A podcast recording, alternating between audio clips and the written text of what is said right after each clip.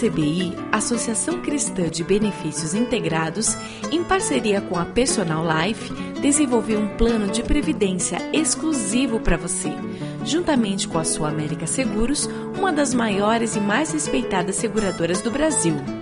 Nossas condições são diferenciadas, com taxas reduzidas e carregamento zero, proporcionando segurança de um investimento com alta rentabilidade. Entre em contato e solicite uma simulação pelo site www.acbi.com.br ou pelo telefone 3264 6711. Atenção, você que tem um veículo financiado. Você não aguenta mais os juros abusivos na parcela do seu carro ou caminhão? Com a Defesa Consultoria, você pode reduzir sua parcela.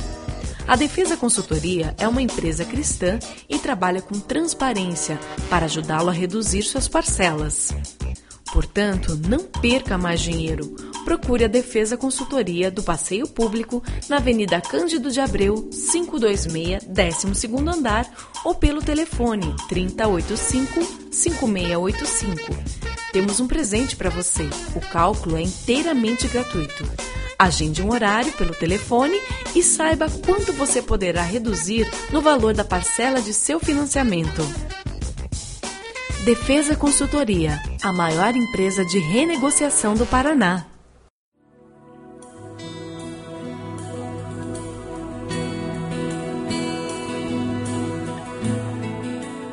Começa agora mais um Sementes do Amor de Deus, um programa da Igreja Batista do Bacaxeri, em Curitiba.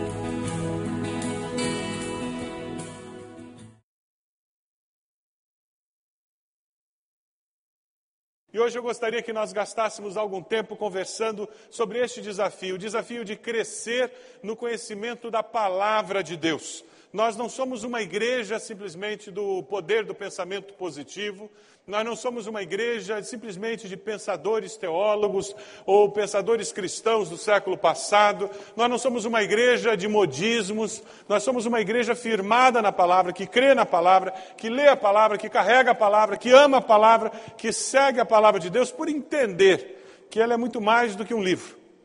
Ela é norte para a nossa vida. Por entender que ou nós nós somos separados dessa palavra ou esta palavra nos separa do pecado por entender que é palavra de vida eterna e ela nos guia, ela nos instrui, é lâmpada para os nossos pés. Você crê nisso? Isso é uma convicção que você carrega no seu coração? Eu tenho algumas perguntas que eu gostaria de fazer. Você lê regularmente, diariamente essa palavra? Você tem um período devocional, ou horas silenciosas, ou seja o que for? Isso faz parte dos hábitos saudáveis que você abraçou na vida, como tomar banho, o hábito de escovar dente, o hábito de sentar à mesa, fazer as refeições e comer com garfo e faca e não com a mão. São hábitos que nós adotamos. O hábito de se vestir de uma forma decente. São hábitos que nós adotamos. E ler a Bíblia também é um hábito que tem que ser adotado na nossa vida. É um hábito que vai influenciar a nossa maneira de ser, a nossa maneira de viver. Mas a minha pergunta é para você: tem sido regular, consistente na leitura diária da palavra de Deus, do separar tempo de manhã cedo, ou separar tempo à noite, ou durante o dia, para parar tudo. Ler a palavra, refletir nela. Ouvir de Deus algo que Ele quer dizer ao seu coração através da palavra. Uma outra pergunta: quantas vezes você já leu a Bíblia inteira? Quantas vezes você já leu o Novo Testamento inteiro? E se você se converteu há pouco tempo, a minha sugestão é que você coloque como alvo o Novo Testamento. A Bíblia parece muito grande, uma tarefa quase inatingível, então leia o Novo Testamento. Aí depois vá ler os Salmos. Ai, são 150 Salmos, é mais fácil. Aí depois vai ler Provérbios, e aos poucos você vai lendo o Velho Testamento.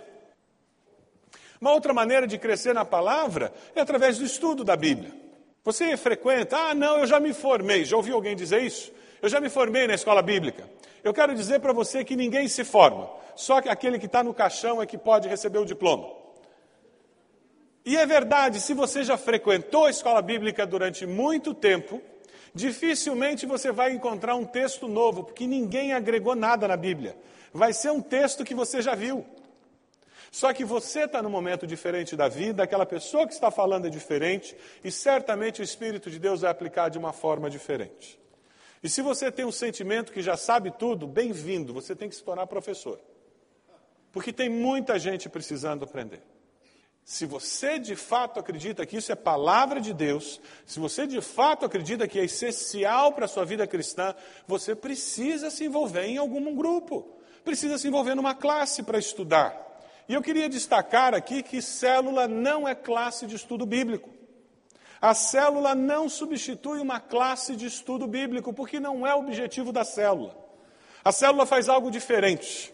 Com aquela pessoa que não conhece a Jesus, a célula expõe a palavra de Deus e aquela pessoa sai de lá, depois de conversar, usando aquelas perguntas, dizendo: Puxa, eu entendi a Bíblia. Não é esse um dos mitos na mente do povo em geral? Que eu não vou entender a Bíblia? Não é esse? E a pessoa sai da célula dizendo: Puxa, eu li a Bíblia, nós conversamos e eu entendi, saí com alguma coisa para pensar.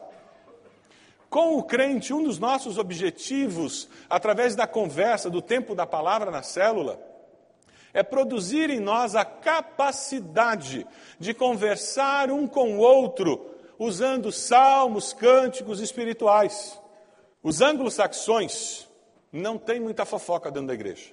Eles também não têm muita comunhão. Porque todo mundo cuida da sua vida. E como eu cuido da minha vida, você cuida da sua. A gente não se conversa muito, a gente não se, não se fala muito. Eu não sei muito da sua vida, você não sabe da, sua, da minha. Eu não posso falar de você, você não pode falar de mim. A gente fica aí, a gente perde comunhão. Nós latinos temos uma grande bênção. A gente é uma grande família, né? E todo mundo bota o bedelho na vida do outro, né? E dá palpite como é que aquela irmã vai criar o filho, e já dá sugestão como é que o outro tinha que fazer para o vestibular, não é assim? Porque nós somos mais abertos e nós sentimos mais liberdade de falar com os outros e, e falar de coisas mais íntimas, nós temos uma comunhão maior e isso é muito bom. Abra sua Bíblia lá em Hebreus, capítulo 4. Vocês agora vão entender o porquê que o meu coração bate desse jeito, porquê que o meu coração sente desse jeito, porquê que a minha mente pensa desse jeito. Hebreus 4, a partir do versículo 12.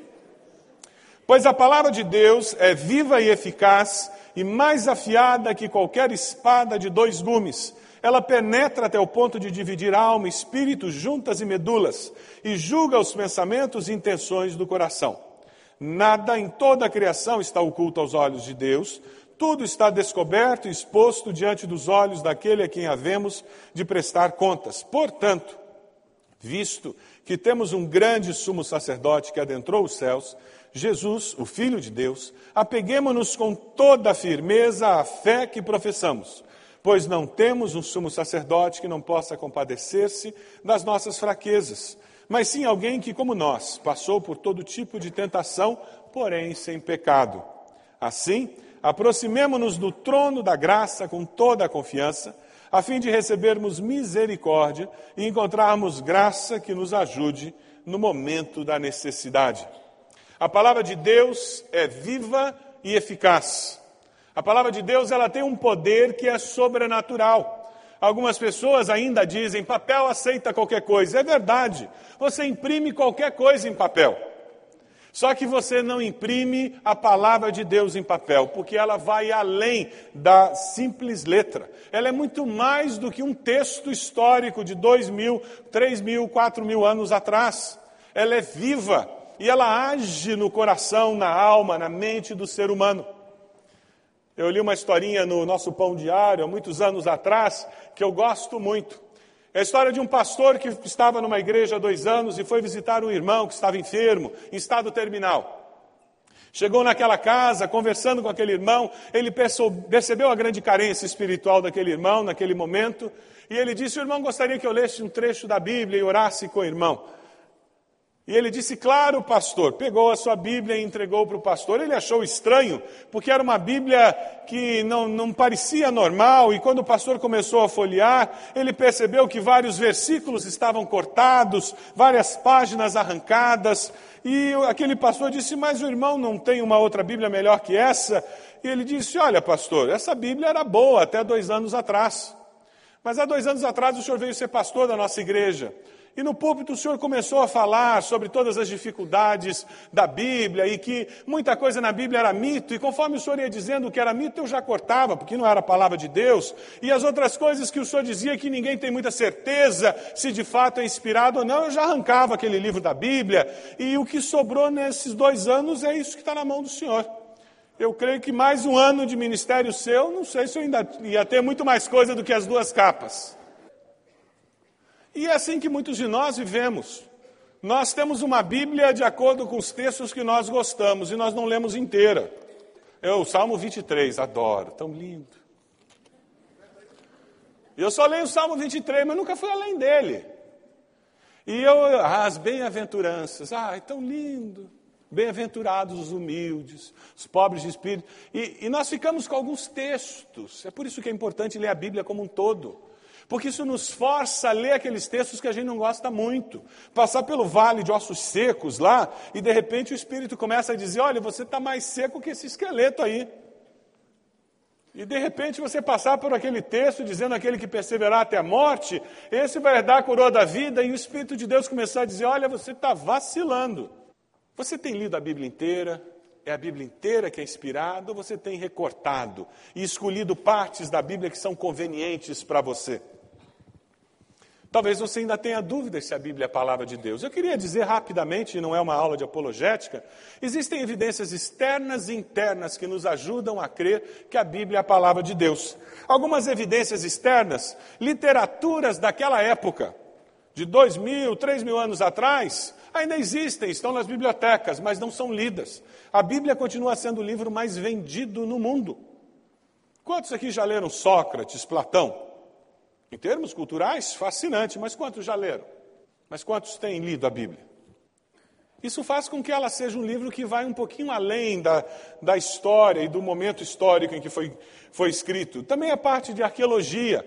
Quanto mais a arqueologia se desenvolve, mais ela confirma que as cidades bíblicas de fato estavam no lugar que a Bíblia falava, que os eventos aconteceram de fato no momento em que estavam. A ciência, conforme ela evolui, ela vai confirmando o que a Bíblia fala. Até hoje os astrônomos falam sobre aquele, aquela diferença de tempo que existe. Foi o período em que a Bíblia fala que o Sol voltou. E o curioso é que a diferença nas contas dele bate exatamente com o que a Bíblia fala de tempo em que o Sol voltou para que a batalha do povo de Israel pudesse acontecer. Evidências externas e evidências internas. A própria Bíblia fala dela mesma e diz que ela é palavra de Deus. Jesus fala que a Bíblia é palavra de Deus. E é curioso porque você encontra 40 homens durante mais ou menos 2.500 anos escrevendo esse livro e ele faz sentido, porque na realidade o autor é um só, é Deus. Aqueles homens foram instrumentos de Deus. A palavra no Novo Testamento usada para dizer que a Bíblia é inspirada por Deus é uma palavra que significa alguém soprou no ouvido daqueles que a escreveram. Evidências internas que nos ajudam a crer que é a palavra de Deus. Experimente pegar Isaías 53, que foi escrito 600 anos antes do nascimento de Jesus, e leia alguns daqueles versículos para o seu amigo mais incrédulo. E depois pergunte sobre quem esse, esta pessoa escreveu tudo isso. Eu garanto que esse seu amigo vai dizer é sobre Jesus. Claro, porque são profecias escritas 600 anos antes da vinda de Jesus, que foram cumpridas na vida de Jesus.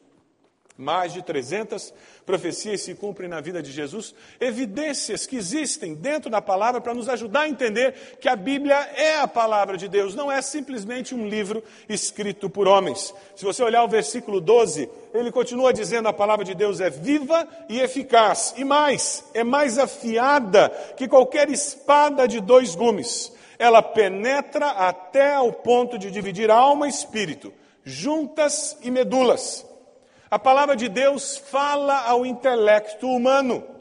Ser cristão nunca, nunca envolveu negar a razão. A fé cristã não é uma fé burra. A fé cristã é uma fé inteligente. Foi Deus que nos deu a capacidade intelectual, foi Deus que nos deu a capacidade de arrazoar, de pensar, de sintetizar, de criar teses. A percepção da vida será modificada através da sua razão também.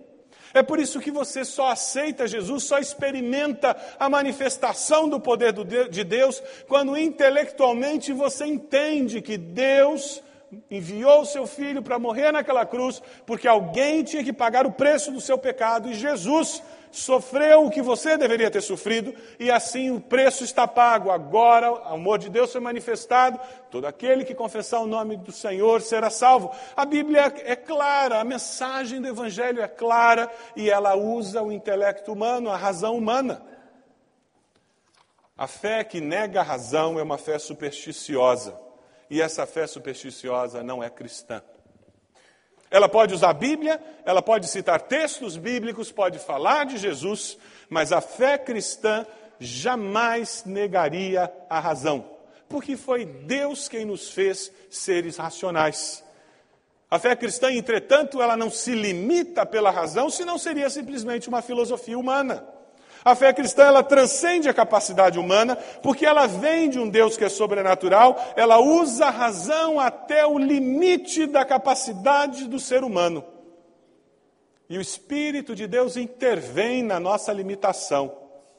O Espírito de Deus nos capacita e desenvolve a nossa capacidade humana, e onde nós não conseguimos, o Espírito de Deus intervém e manifesta sobrenaturalmente que Deus está agindo a nosso favor. A fé cristã não é limitada pelo entendimento humano. E a palavra faz isso. Quantos de nós já não tivemos a experiência de abrir um texto e parece que aquele texto está saltando, e parece que aquele texto tem sabor adocicado, e é justamente o que eu precisava ouvir naquele momento. É o poder sobrenatural da palavra, que transcende a razão humana. Ela usa a razão humana para que você entenda o texto, mas vai além. Existe uma confirmação espiritual com o nosso espírito, que confirma que o Deus sobrenatural, transcendente, está intervindo na história da minha vida. Eu já contei aqui uma historinha que eu gosto muito. Uma história de um missionário que trabalhava na África com uma tribo e o trabalho era muito difícil, porque naquela tribo tinha como um dos valores máximos o enganar os outros. Então você era uma pessoa considerada de mais respeito na tribo se você conseguisse enganar mais aos outros. E esses homens na tribo treinavam seus cães para serem ladrões. Então, à noite, aqueles cachorros entravam na, nas tendas e roubavam as coisas. E dessa forma, aquela pessoa, quando descobriam que era o cachorro dele que tinha roubado, aquela pessoa ganhava credibilidade na tribo. E aquele missionário tentando pregar o evangelho começou a ter os primeiros decididos daquela tribo. E um dia pela manhã veio um dos senhores mais respeitados na tribo trazendo o seu cachorro e ele entregou o cachorro para o missionário. O missionário, sabendo do valor que o cachorro tinha na, na, no sistema social da tribo, disse: Mas por que você está dando ele para mim? E aquele nativo disse: Ele não presta para mais nada. Como assim? Ontem ele entrou na tribo de um dos convertidos seus aí, e ele roubou aquele livro preto. E ele mastigou metade do livro. Ele já não vai prestar mais para roubar.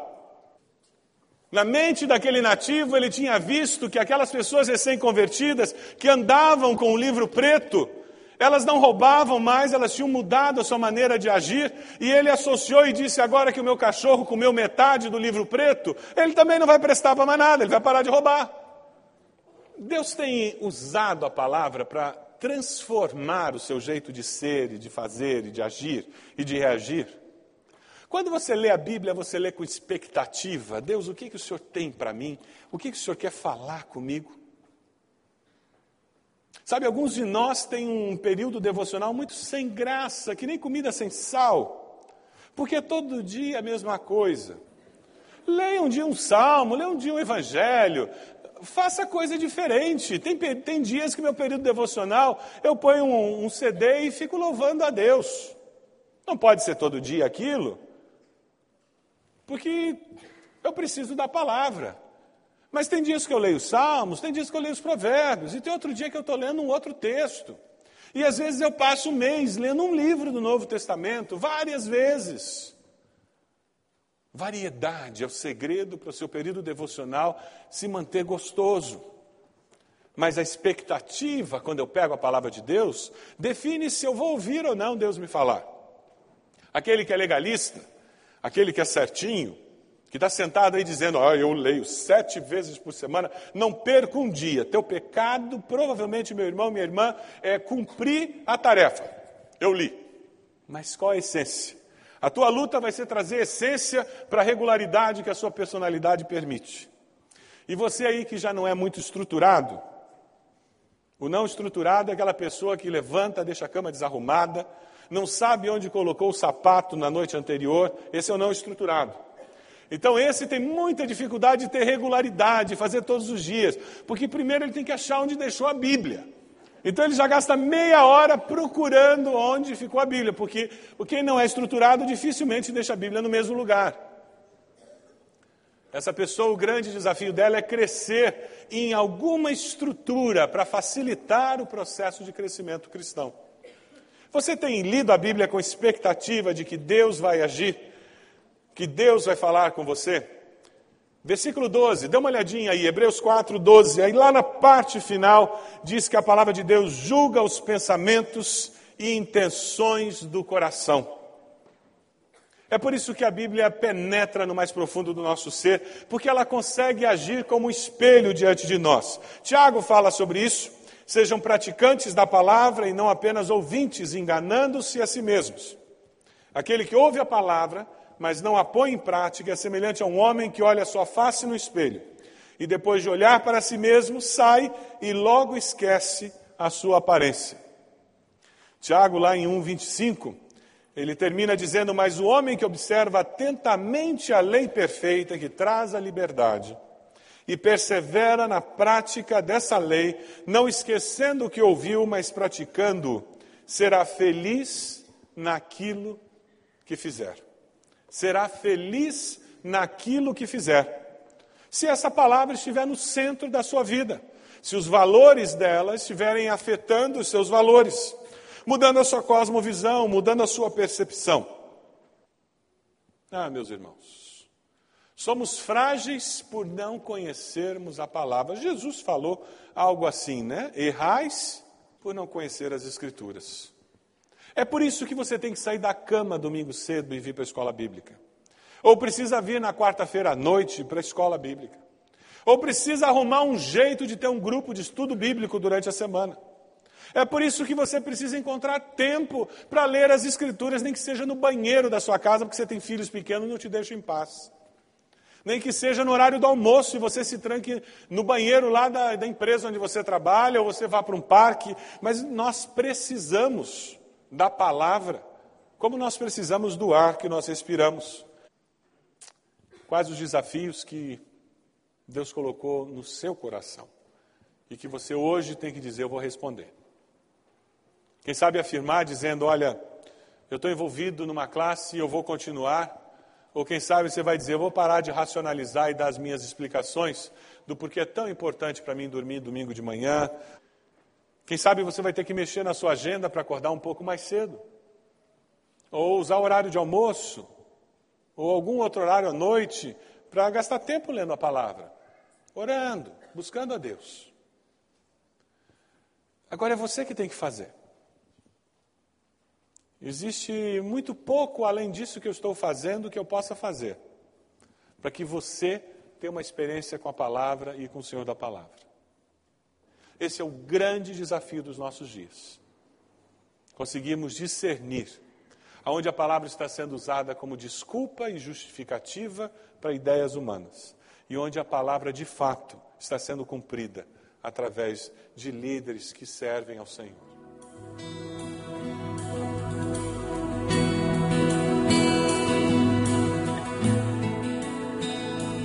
Este foi mais um programa Sementes do Amor de Deus com o pastor Roberto Silvado, da Igreja Batista do Bacaxeri. Se você deseja obter cópias dessa mensagem, ligue para 33630327 ou envie um e-mail para radio@ibb.org.br, informando a data da mensagem.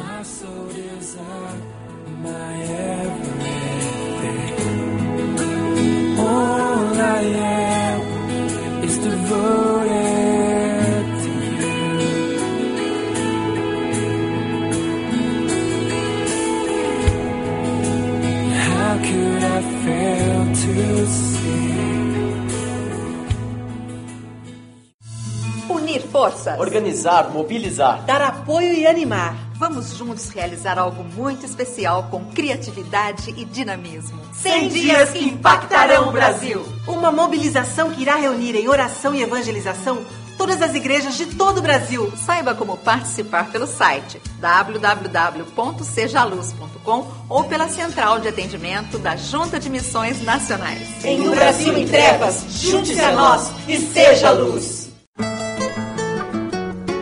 A ACBI, Associação Cristã de Benefícios Integrados, em parceria com a Personal Life, desenvolveu um plano de previdência exclusivo para você, juntamente com a Sua América Seguros, uma das maiores e mais respeitadas seguradoras do Brasil.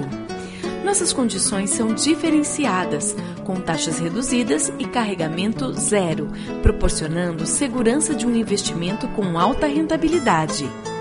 Entre em contato e solicite uma simulação pelo site www.acbi.com.br ou pelo telefone 3264 6711. Atenção, você que tem um veículo financiado. Você não aguenta mais os juros abusivos na parcela do seu carro ou caminhão? Com a Defesa Consultoria, você pode reduzir sua parcela. A Defesa Consultoria é uma empresa cristã e trabalha com transparência para ajudá-lo a reduzir suas parcelas. Portanto, não perca mais dinheiro. Procure a Defesa Consultoria do Passeio Público na Avenida Cândido de Abreu, 526, 12º andar ou pelo telefone 3085-5685. Temos um presente para você. O cálculo é inteiramente gratuito. Agende um horário pelo telefone e saiba quanto você poderá reduzir no valor da parcela de seu financiamento. Defesa Consultoria, a maior empresa de renegociação do Paraná.